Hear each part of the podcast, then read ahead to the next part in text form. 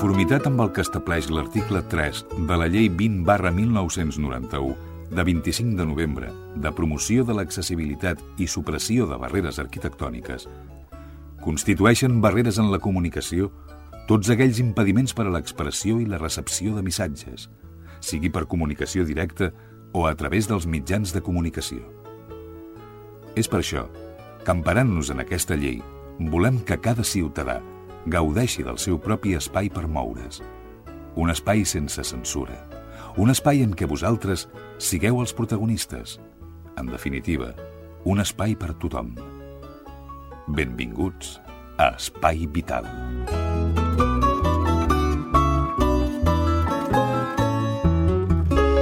Senyores, senyors, què tal? Com es troben després d'aquestes vacances de Setmana Santa, unes vacances que l'Espai Vital ens han fet un present molt maco i que va estar exposat a la pastisseria Esplugues. Ens han fet una mona adaptada, la primera mona adaptada de Ripollet. Suposo que molts de vosaltres ja la heu vist, doncs tranquils perquè ja no la veureu. Ens l'hem menjada. Doncs molt bé, benvinguts a tots, ben trobats.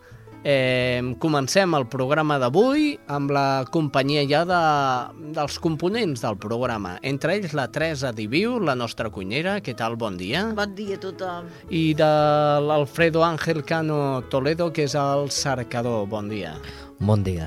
Els controls tècnics, Jordi Puy, aquí a la redacció i locució, eh, qui els parla. Xavi Casas, amb 50 minuts aproximadament que ens queden per endavant.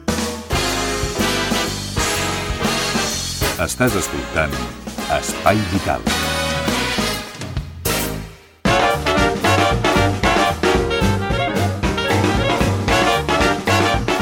La veritat, una mona de xocolata que ens hem menjat està força bona, eh? Està força bona. Però... Ja veuràs els quilos que haurem menjat. No, què hi farem? Jo a, a l'Alfredo ja li veig la panxa. El Home, home, tio... La patxa i me la menja tota, jo. Ai, eso no será de cerveza. Jo em sembla que no menjat sé No, no, no, cervesa no... No. No, no la provo, no la provo. Mona de xocolata, xocolata pura i dura, que bona estava. Agraïments, agraïments a la pastisseria Esplugues, que ens va cedir aquesta mona, amb una festa que va ser total. Van venir molts mitjans de comunicació, ens van fer moltes preguntes, la Teresa ballava, el, Sí, el rock and roll. el rock and roll. I, i s'ho- ens ho vam passar molt bé. Sobretot que perquè sí. ja mm, cada cop que veiem aquestes coses Ens agrada molt. Ens agrada molt, sí. No és pel menjar, és per la companyia i, que, i algú que se'ns recordi de nosaltres. Sí, senyora, i la conscienciació de, de que a Ripollet s'estan arreglant moltes barreres arquitectòniques, Cerdanyola té un pla d'accessibilitat i d'altres poblacions molt properes a Ripollet també que s'estan arreglant i estan en plans d'accessibilitat. Entre elles Montcada, que si no recordo malament el van presentar ara fa poc. Molt bé, doncs comencem el programa d'avui i ho farem amb una entrevista que ens arriba de les mans de la nostra companya de Cerdanyola, Rosa Morante, que parlava amb Maria José Pérez Lucena. Ella ha rebut un premi a un projecte d'investigació, però millor que ens ho expliqui ella. Al proyecto Plan Estratégico de Investigación para los Trastornos del Hierro asociados a alteraciones endocrinas de la doctora María José Pérez Lucena, de l'EAP Serrapareda de Sardanyola, ha rebut una ajuda a l'impuls d'estratègies d'investigació en atenció primària dins de la oncena convocatòria d'ajuda a projectes d'investigació en atenció primària de l'IDIAP Jordi Gol. Per parlar d'aquest tema tenim a l'altra banda del fil eh, telefònic a la doctora Maria José Pérez. Hola, molt bon dia. Molt bon dia. Doncs el primer que volien saber és en què consisteix aquesta ajuda. Doncs mira, és una ajuda que consisteix en un alliberament de la meva jornada laboral eh, d'un 50%. Vull dir que a mi em donen el 50% del meu temps eh, per dedicar a la investigació a atenció primària. I, I quin és el tema del projecte? Què és el que s'ha investigat?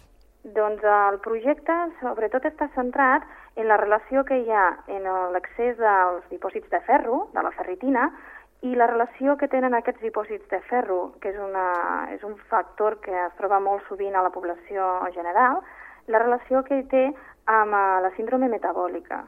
La síndrome metabòlica és una síndrome també molt freqüent que relaciona la dislipèmia, que és el colesterol elevat a la sang, la glucosa, la pressió i l'obesitat.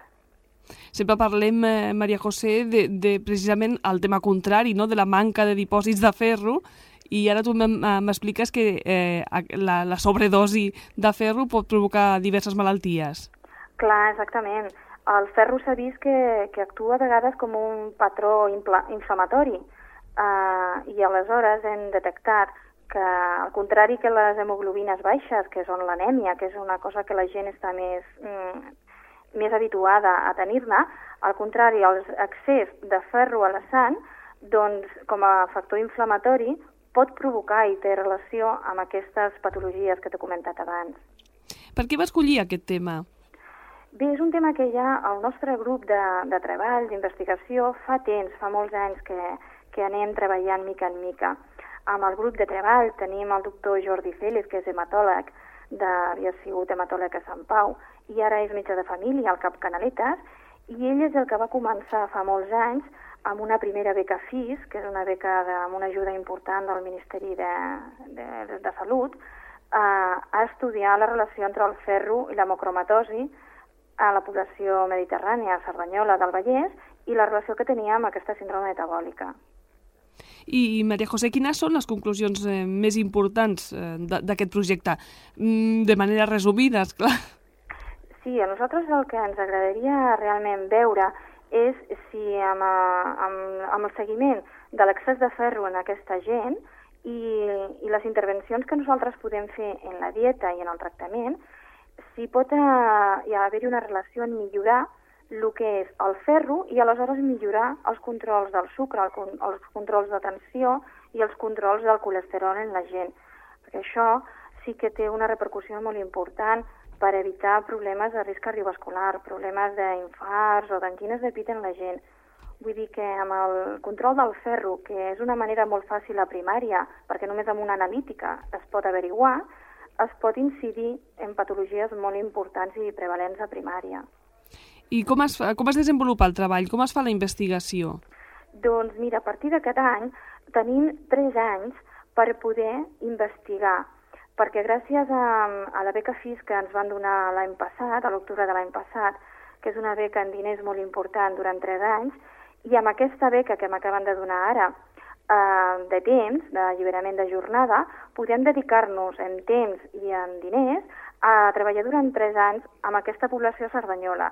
Agafarem població de canaletes i de serraperera que tenen excés de ferro i durant tres anys els hi estudiarem i farem una intervenció de tractaments per veure la seva evolució. Aquestes persones ja, estan in, ja heu estat en contacte amb elles? Eh, S'agafen a l'atzar? Com, uh -huh. com va? No, no, tenim ja persones que havien eh, treballat amb nosaltres, població que tenien, ja havien sigut detectades de ferroall a la sang i que havien participat en una altra beca FIS que ens havien donat fa tres anys. Aquestes persones ja les tenim detectades i, i els, hem, els hem continuat fent l'evolució durant aquests anys. Ara la qüestió seria comparar aquestes persones amb un grup de, de persones que no tenen ferro a la sang i fer el control d'aquests dos grups durant aquests, dos, eh, aquests tres anys. Quines repercussions té per a l'atenció primària rebre aquest tipus d'ajudes a la investigació? Doncs moltíssimes repercussions, perquè a part de la repercussió de, de troballes científiques que podem detectar a nivell de primària, jo penso que és molt important el poder potenciar que metges d'atenció primària, que fins ara no tenien molta, eh, molta dotació de beques, eh, al contrari que als, als hospitals, doncs que cada vegada potenciem la investigació a primària per a aquests i per a altres estudis ja està pensant la doctora Pérez eh, en, en un altre treball, en una altra investigació, després d'aquesta de tres anys? A qualsevol persona que es dediqui mínimament a la investigació, el que sí sempre està eh, pensant idees i qualsevol resultat que troba eh, als seus estudis, el que ja s'està començant a proposar noves hipòtesis de treball i noves... Eh, noves beques possibles i nous estudis, ja sigui relacionat tot amb el mateix tema, si és el que t'agrada.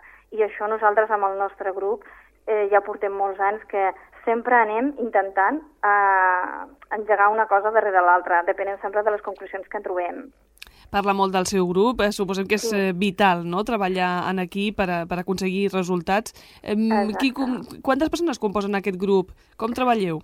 Sí, doncs ara mateix hi som unes 10 persones que estan repartides entre el CAP Canaletes i el CAP Serraperera.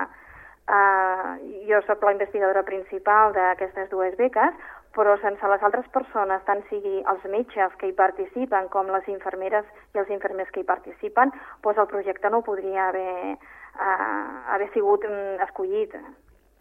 Doncs eh, de ben segur que tornarem a parlar amb la Maria José Pérez Lucena, la doctora eh, que ha rebut aquesta, aquest premi al projecte Plan Estratégico de Investigación para los Trastornos del Hierro asociados a alteraciones endocrinas. Moltes gràcies per atendre'ns i molt bon dia. Moltíssimes gràcies a tu. Saps, filla, m'he trobat a la Montserrat. Fa temps que té anèmia i amb no res es cansa. Li he dit que si era celíaca, com jo... Ai, quines coses tens, mare. Una de cada 100 persones a Catalunya és celíaca i no ho sap. Si creus que pot ser celíac, truca'ns. 902 235 422. 902 235 422. És un consell de l'Associació de Celíacs de Catalunya. Què passaria si beguessis aigua només una vegada? Que al cap de poques hores et trobaries la boca i els ulls ressecs. Se t'acceleraria el pols i tindries convulsions. Després tindries vertigen i perdries el coneixement. Què passa si dones sang només una vegada? Que al cap de pocs dies ens comencen a faltar glòbuls vermells. Després baixen les nostres reserves per fer transfusions. Tot seguit comencem a trobar que ens manquen plaquetes. Així no podem ajudar els malalts de càncer, ni podem atendre emergències. Necessitem que tornis a donar sang, com tu necessites tornar a beure aigua. Amb una vegada no n'hi ha prou. Vine a donar. Banc de sang. Estàs escoltant Espai Vital.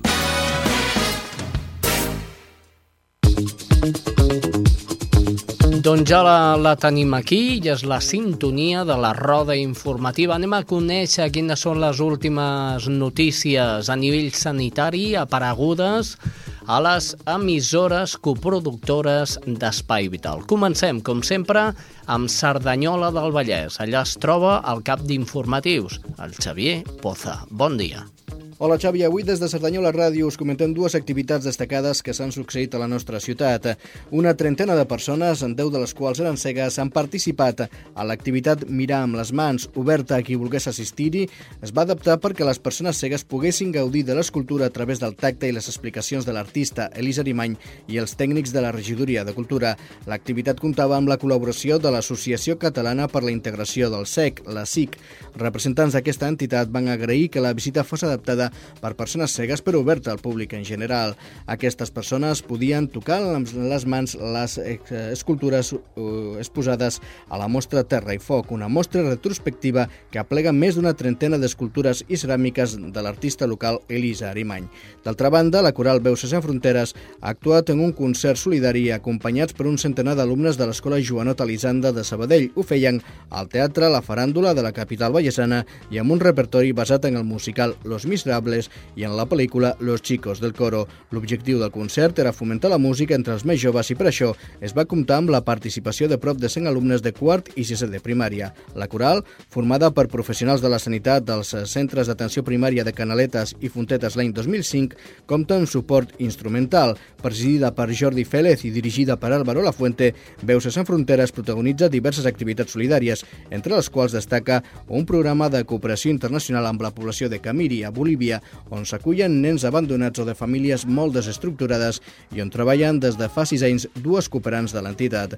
Veus Sense Fronteres donen suport a persones que pateixen problemes de salut, socials i personals en qualsevol indret del món. A més, col·laboren de forma continuada amb Metges Sense Fronteres en les seves activitats humanitàries. Des de Cerdanyola Ràdio, una salutació fins la setmana vinent.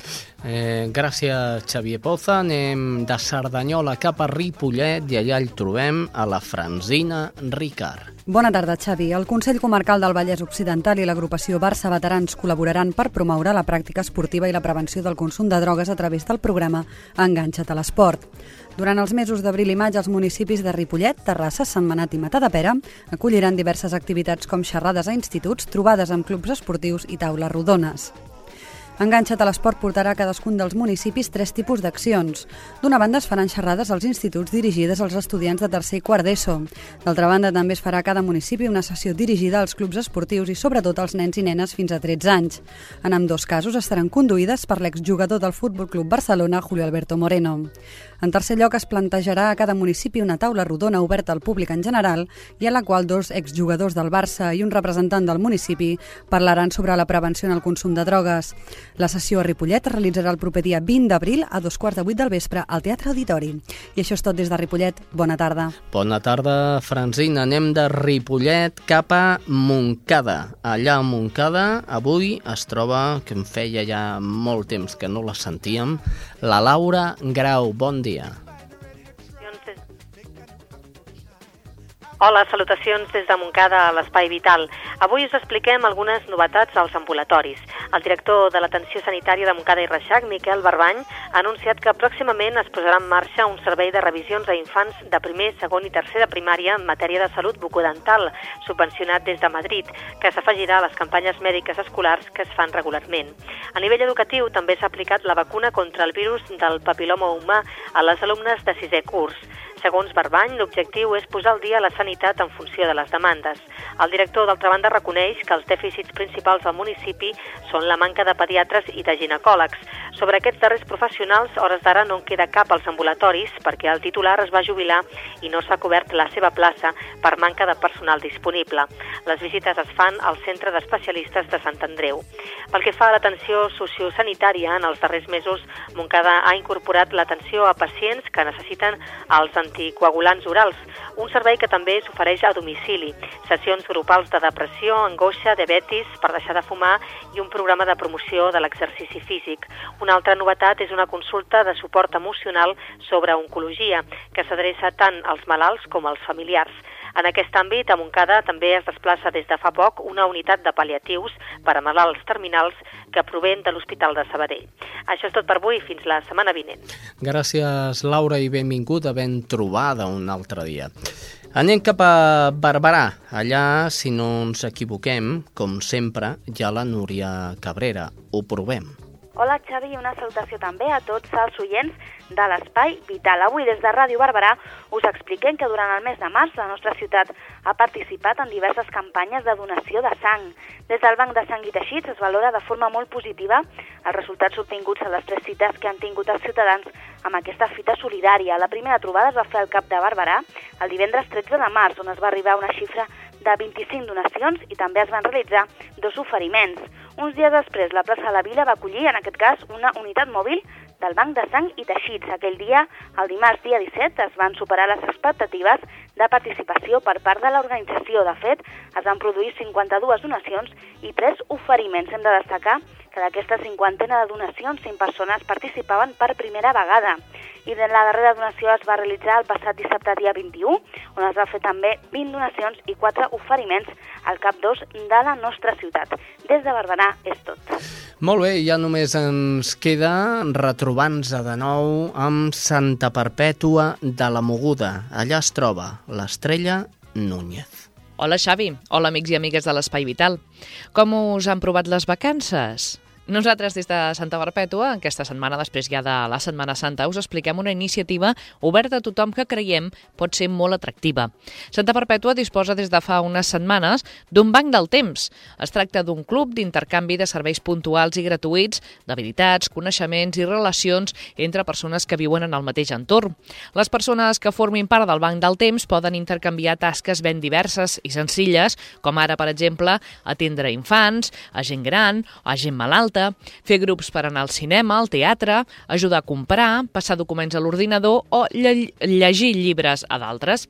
El Banc del Temps està obert a dones i homes. Pretén millorar la qualitat de vida de les persones amb dos aspectes, aconseguir que estiguin menys pressionades per les tasques quotidianes i trobar gent de confiança per intercanviar petits serveis. Entre d'altres, hi ha algú que s'ofereix, per exemple, per muntar festes infantils. Cada persona adscrita al Banc del Temps disposarà d'un talonari que utilitzarà en cada moment que usi el seu temps a favor d'una altra persona.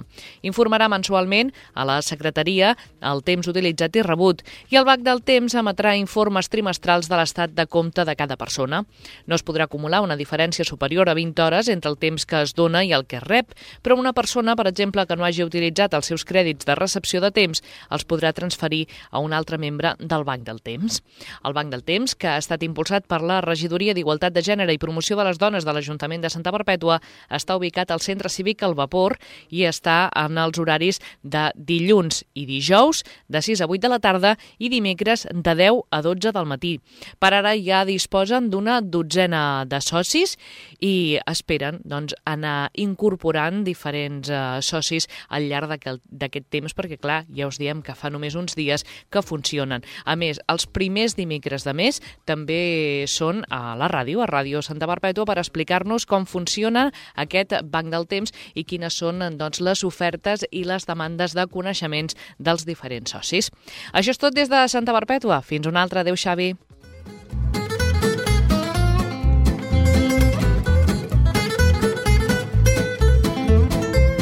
Això és Espai Vital.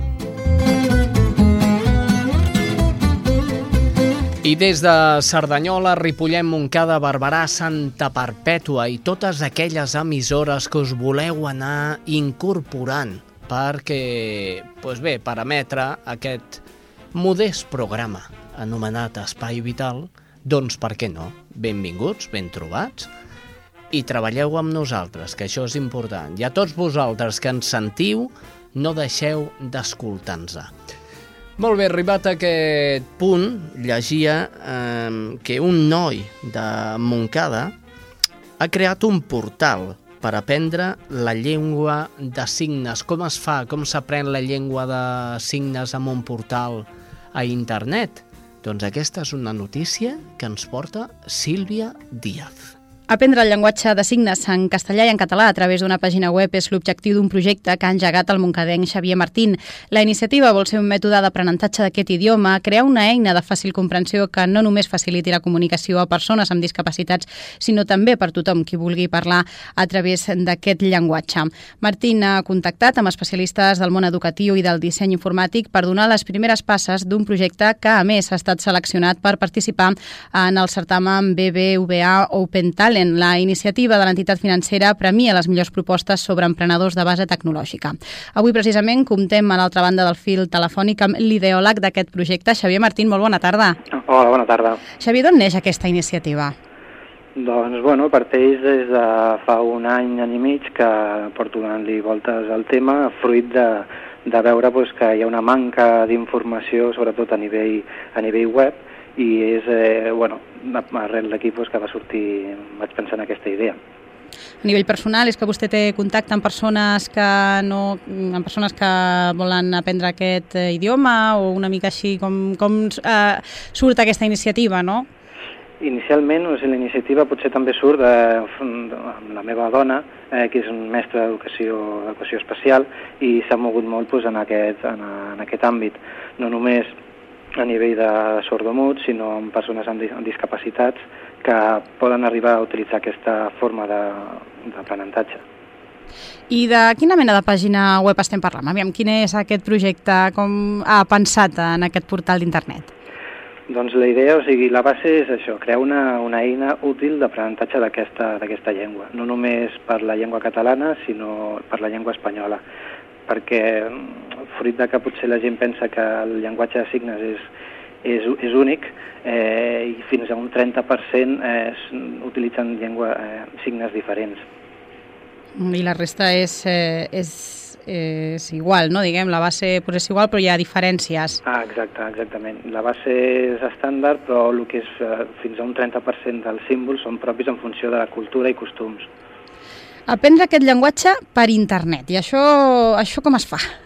Doncs, a veure, la idea o l'objectiu és crear un personatge, un personatge animat en, en tres dimensions, que, bueno, que s'anomenarà Signe, o Signo en aquest, en aquest cas en castellà, i que sigui com a fil conductor de tot el projecte.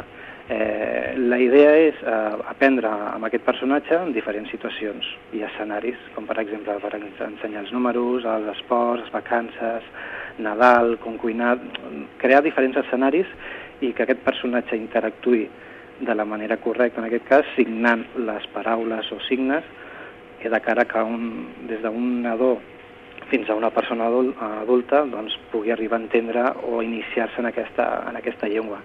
Quin suport s'està rebent a nivell professional? Ha parlat amb eh, especialistes no? en eh, pedagogia i també en el que és disseny informàtic. Sí, de fet, o sigui, jo crec que una de la, la base d'aquest projecte és que es es podrà comptar amb, amb perfils molt, molt, molt diferents i, i bueno, professionals, en aquest cas des de mestres en educació especial, eh, com a intèrprets de la llengua de signes, tant l'espanyola com la catalana. Eh, tenim un equip de desenvolupament web per portar a terme eh, el projecte, tècnics en multimèdia, animadors a personatges en 3D, o sigui, és tot un global que jo crec que pot donar un molt bon resultat. Ara mateix en quin procés està la creació d'aquest portal? Doncs ara mateix s'està preparant el pilot, el pilot eh, juntament amb la pàgina web per eh, explicar una mica la idea del projecte i a partir d'aquí, una vegada es tingui el pilot, pues, és presentar-ho ja a diferents institucions de cara a poder rebre pues, algun tipus d'ajuda, finançament, etc. Aquest projecte, com dèiem al principi, opta a un premi, una convocatòria del BBVA. Expliqui'ns a què consisteix això.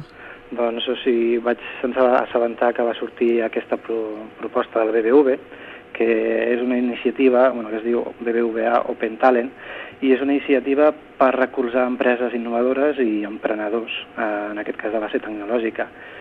I es presentaven projectes eh, de base tecnològica en aquest cas, i fins, es van presentar fins a 375 projectes i van seleccionar doncs, uns 270 aproximadament i entre aquests 270 doncs, estava el, el, el meu. I bon, l'objectiu d'aquest concurs és eh, finançar, o sigui, poder trobar finançament per, en aquest cas doncs, per poder, poder dur a terme el projecte. Perquè només eh, hi ha un guanyador, no? Sí, exacte, dels 270 només pot guanyar, pot guanyar un. Mm. I ara mateix està en fase de votació popular, no? Fins al 15 d'abril. Això com funciona? Doncs arrel de la primera selecció, eh, ara un, durant un mes, va començar des del 15 de març fins al 15 d'abril, es troba en fase de votació popular. Eh, és a dir, eh, han creat eh, una pàgina web, al BBV, on s'exposen eh, tots aquests 270 projectes, on s'explica breument eh, quina tipologia, de quina tipologia és i de què tracta, i eh, on la gent, els usuaris, pues, poden eh, recolzar, en aquest cas, votant a, a cada idea. Uh -huh. I es pot fer a través d'internet, no? Uh -huh, sí. D'acord, però independentment del premi, com deia vostè abans, doncs s'està també buscant fórmules no?, per finançar el projecte, perquè això tirarà endavant malgrat es guanyi o no aquest premi, no? Sí, sí, de fet, o sigui, el projecte, ja et dic, porta més d'un any ja en, en preparació, però va sortir aquesta oportunitat doncs, per poder presentar la idea i serà un, medi, serà un camí més, independentment de, de guanyar o no aquest concurs perquè evidentment són molts projectes i és molt complicat, és molt complicat doncs, arribar a ser el primer. Però en tot cas eh, jo crec que és una manera perfecta per donar, començar a donar, donar a conèixer el projecte i, bueno, i això, que la, la gent conegui d'alguna manera o una altra pues, que, de, què pot, de què pot tractar aquest, aquesta nova web d'Aprendre a Signar. Sí, perquè recapitulant i tornant al principi, com deien, hi ha poques iniciatives a la xarxa, poques o, o, o cap sobre aquesta fórmula no?, per aprendre el llenguatge de signes? Sí, a veure, hi ha, eh, hi ha continguts eh, per internet, hi ha prou continguts i bons continguts en aquest cas, però no es mostren d'una, jo crec que no es mostren d'una manera d'una manera atractiva tant gràficament com pedagògicament. I és una mica pues, fusionar aquests dos conceptes i bueno, crear una, una web innovadora en, en aquest camp. Perquè a través d'internet creu que es pot aconseguir aprendre totalment l'idioma? Ho dic perquè hi ha acadèmies, cursos d'anys que es dediquen precisament a això uh -huh. i també vostè entraria en competència en sí, aquest sector. No, no, a veure, la idea, la idea base és, eh, és crear un mètode d'iniciació un mètode d'iniciació des de zero, des de la persona que no sap absolutament res de res, pues, introduir-se introduir en aquest món Eh, inicialment potser no s'abarca pues, arribar a ser un, eh, un traductor professional arrel d'aquesta web, però en tot cas és un, jo crec que és una iniciativa per eh, impulsar, aquest, eh, impulsar aquesta llengua. Per poder parlar una mica, no? Per sí. saber fer-nos entendre amb persones doncs, que no parlen, sormuts, uh -huh. tenir una, una base. Sí, exacte, perquè et dic, o sigui, l'objectiu no només és per sordomuts, sinó persones, eh, pares i fills amb els seus primers anys d'edat de cara a interactuar amb el, amb el nen, per estimular-lo també d'una un, altra manera. D'acord, doncs eh, Xavier Martín, moltíssimes gràcies per atendre la nostra trucada i que hi hagi molta sort en aquest projecte. Molt bé, doncs moltes gràcies a vosaltres. Fins una altra. Adéu-siau. Adéu, bona tarda.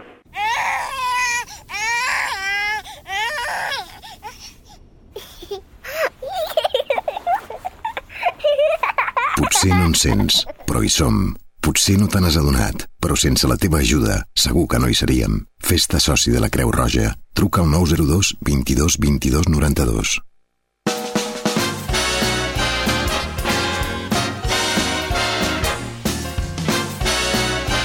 Espai Vital, el primer programa adaptat de les zones.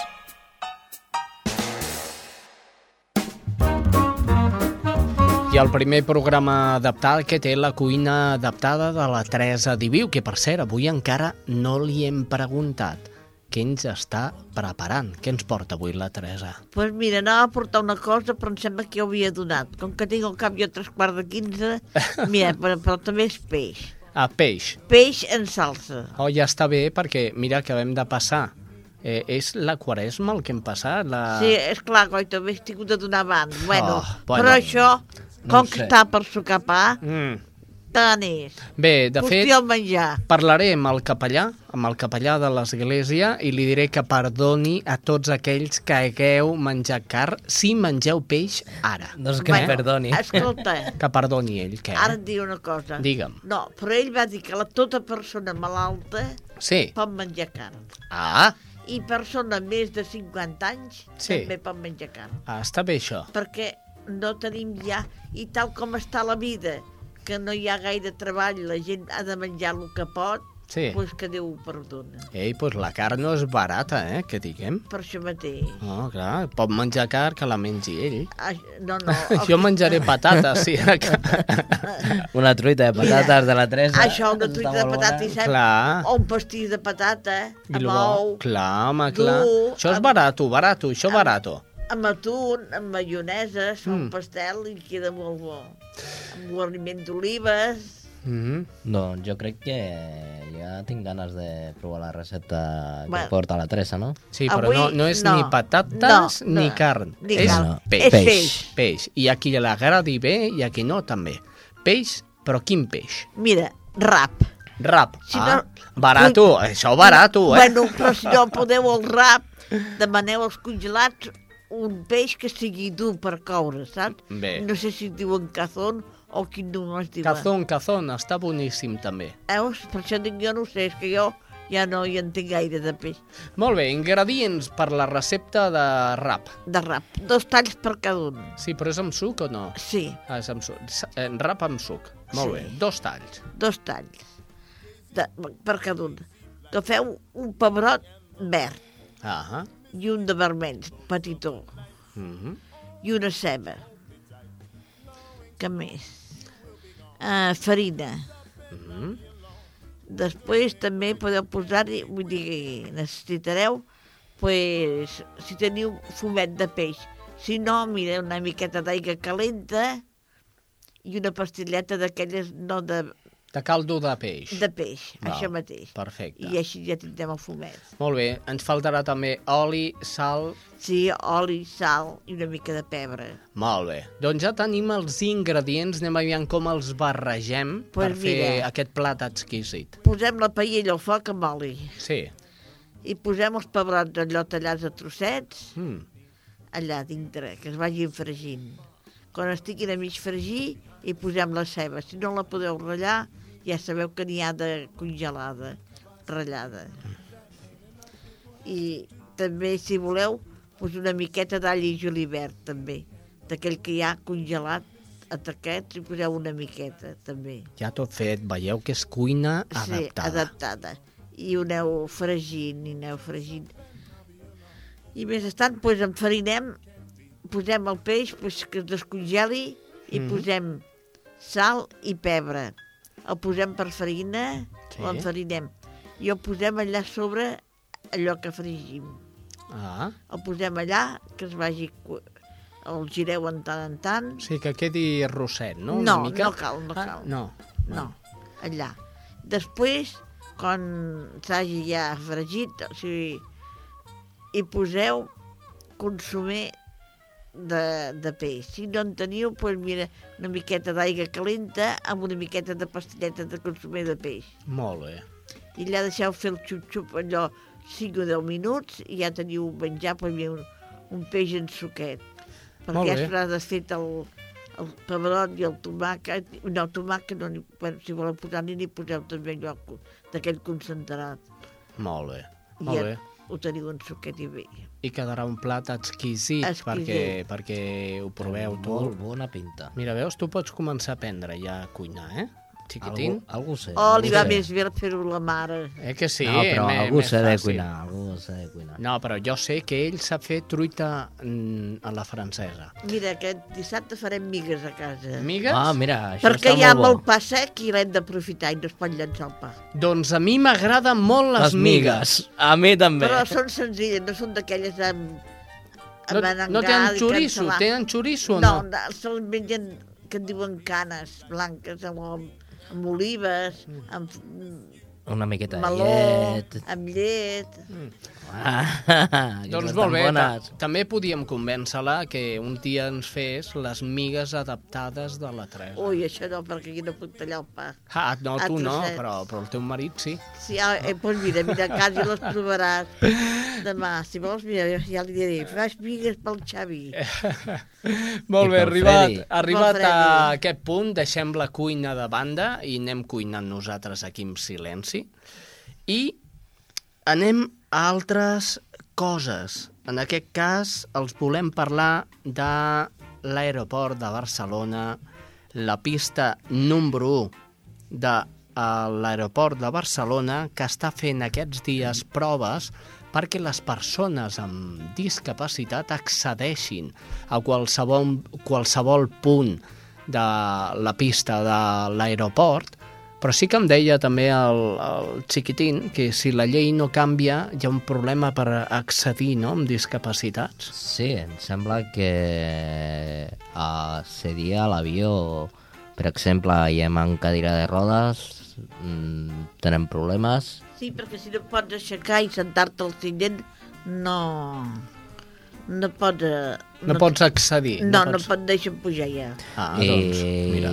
també la gent invident té que anar amb un número limitat, perquè té que sempre anar acompanyat amb una persona evident. És a dir, han de dependre d'un monitor. Jo en diria la llei de dependència per volar amb monitors. Eh? Sí. Deixem-ho aquí. Anem a escoltar l'entrevista que jo li vaig realitzar ara fa uns dies al president del COCARMI, que és el Comitè Català de Representants de Minusvàlids d'aquí de Catalunya. Aquesta és l'entrevista, escolteu-la.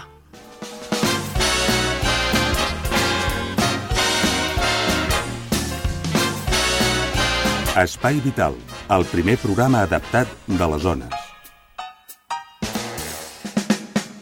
Amb motiu de portar a terme les proves de la nova terminal de l'aeroport Barcelona T1, la terminal 1, i perquè estiguin representats tots els col·lectius i diversitats de població de la, de la ciutat, es necessiten persones amb discapacitat per participar-hi. Per parlar d'aquest tema tenim a l'altre costat de la línia telefònica el president de COCARMI, en Francesc Pérez. Bon dia. Bon dia. Francesc, eh, de què va això?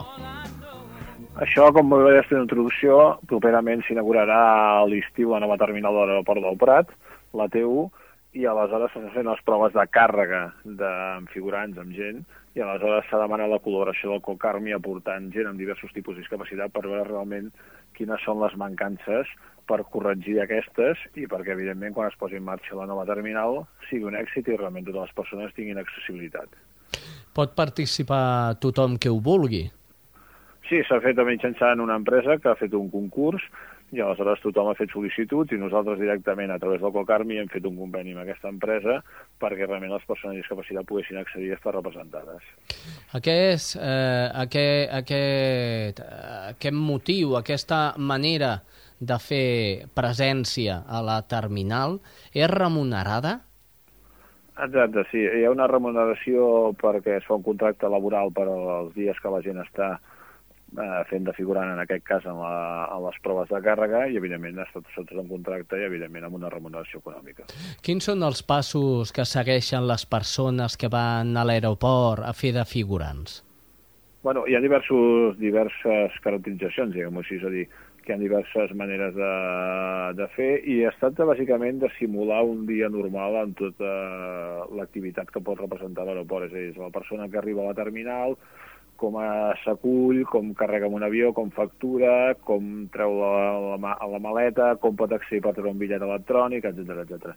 És a dir, és configurar una mica això i per això l'interessant d'aquesta participació de la gent amb discapacitat és que realment doncs una persona amb discapacitat visual pugui realment fer tot el recorregut sense cap problema i pugui pujar a l'avió i baixar de l'avió en condicions, i qualsevol persona amb discapacitat auditiva, discapacitat intel·lectual, etc etc. Per això l'interès que tenia el Cocarmi de poder participar en aquestes proves perquè realment, quan això ja es posi en marxa, el dia a dia no hi hagi cap persona amb discapacitat que tingui problemes.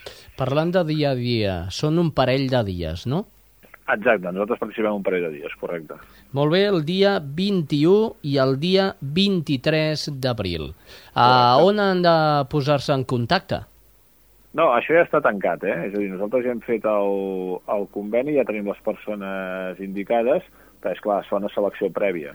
Ah. És a dir, el dia 20 i 23 d'abril són els dies que realment les persones ja seleccionades amb discapacitat van a l'aeroport i fan la simulació in situ de tota la, tot aquest bagatge que estàvem comentant anteriorment.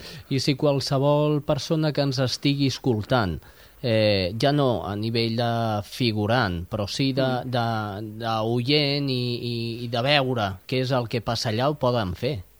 No, no, no. Aquestes proves estan tancades, que jo sàpiga, a tota la selecció de personal que s'ha fet, amb tots els figurants, perquè eh, entenc que això és una operació complexa que requereix al mateix temps seguretat i, per tant, doncs, eh, hi ha les persones que van acreditades, les recullen en un punt de Barcelona, les porten, és a dir, hi ha tota una logística que ha requerit abans un treball previ que és el que et comentava de Cocarmi amb aquesta empresa, i evidentment aquesta empresa en tota la població, entre cometes, normal, perquè realment els dies assenyalats es puguin anar fent les proves de càrrega pertinents. Important que facin aquestes proves perquè el món de la discapacitat a un aeroport és realment eh, eh, bastant difícil poder accedir a un avió, no?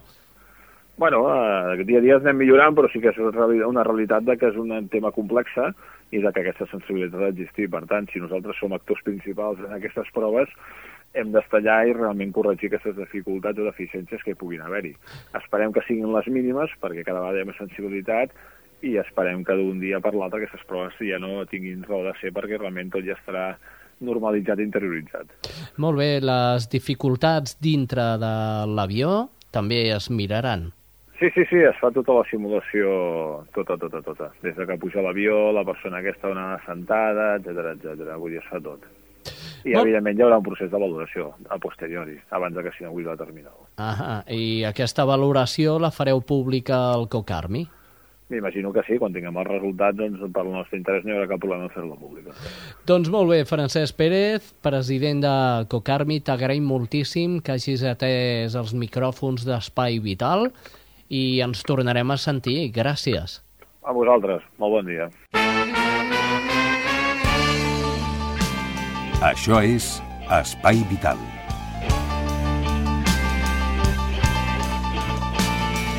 Ha arribat el moment de conèixer les notícies que ens acosta al cercador. I qui és el cercador? Doncs mira, amagadament l'Alfredo Ángel Cano Toledo. Hola. Hola, què tal? Hola. Avui la primera notícia del cercador que ens porta a 10 als termòmetres del mercuri. Què vol dir? Que tots aquells que teniu termòmetres de mercuri a casa vostra els heu de tirar? No, sinó exclusivament que les farmàcies, a partir de mm, fa una setmana, van prohibir ja la venda d'aquest tipus de, de termòmetre amb mercuri perquè són perillosos per la salut, o alguna així. Anem a escoltar sí, sí. el cercador que diu. Ja no es podran comprar termòmetres ni qualsevol altre instrument que contingui mercuri. La Unió Europea ha prohibit la seva venda pels riscos contaminants que té aquest material. Les persones que encara tinguin termòmetres d'aquest tipus a casa es poden seguir utilitzant amb tota tranquil·litat, ja que no són perjudicials per a la salut si se'n volen desfer, però han de saber que els han de dur als punts de recollida que hi ha a les farmàcies. La Unió, Europea, la Unió Europea ha decidit prohibir la venda de termòmetres de mercuri només per motius medioambientals i la gran toxi toxicitat d'aquest metal. Ha assegurat que aquests aparells són segurs i que es poden seguir usant si, ne, si els tenim a casa si anem a, a comprar-ne un de nou, però només es trobarem de digitals.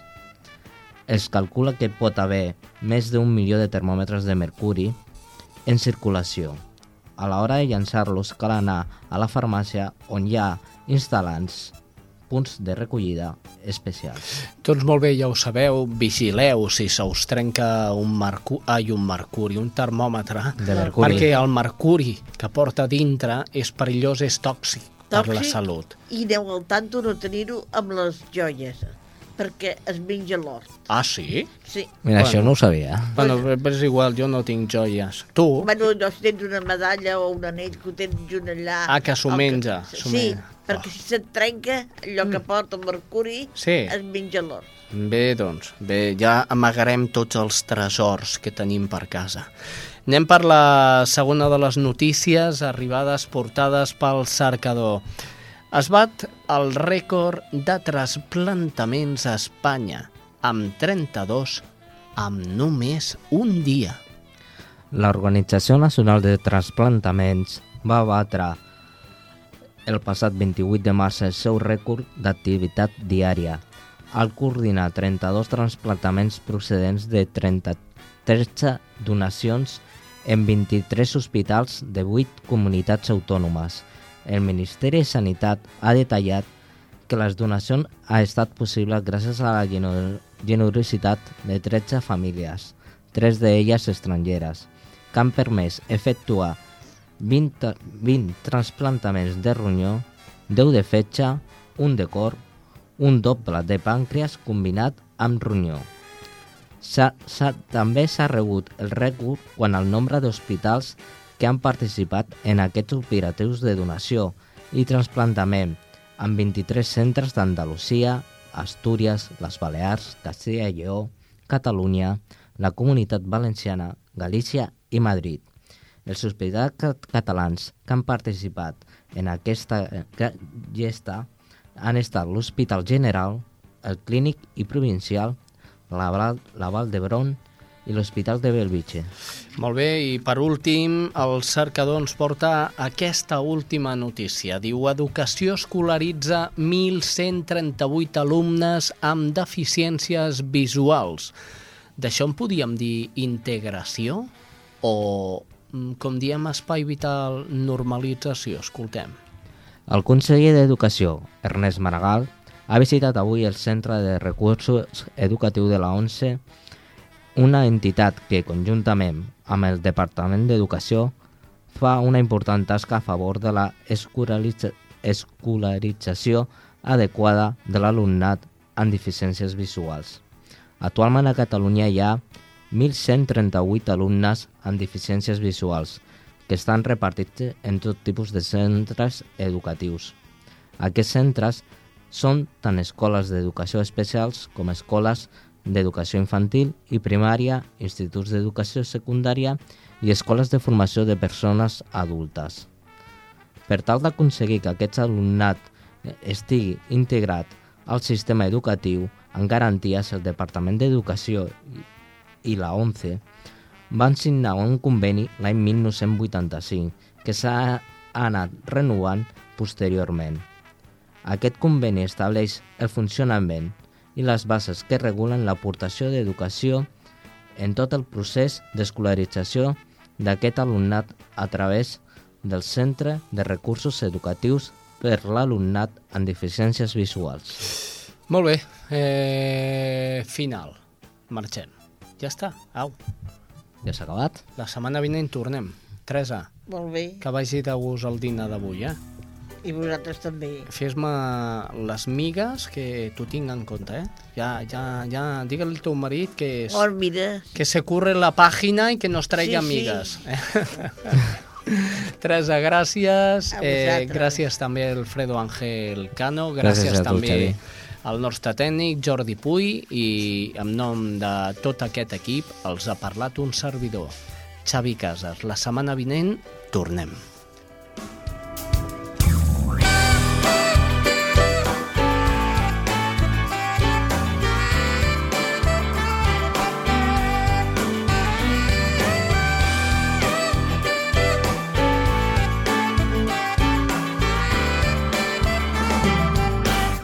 Si em dius adeu, vull que el dia sigui net i clar.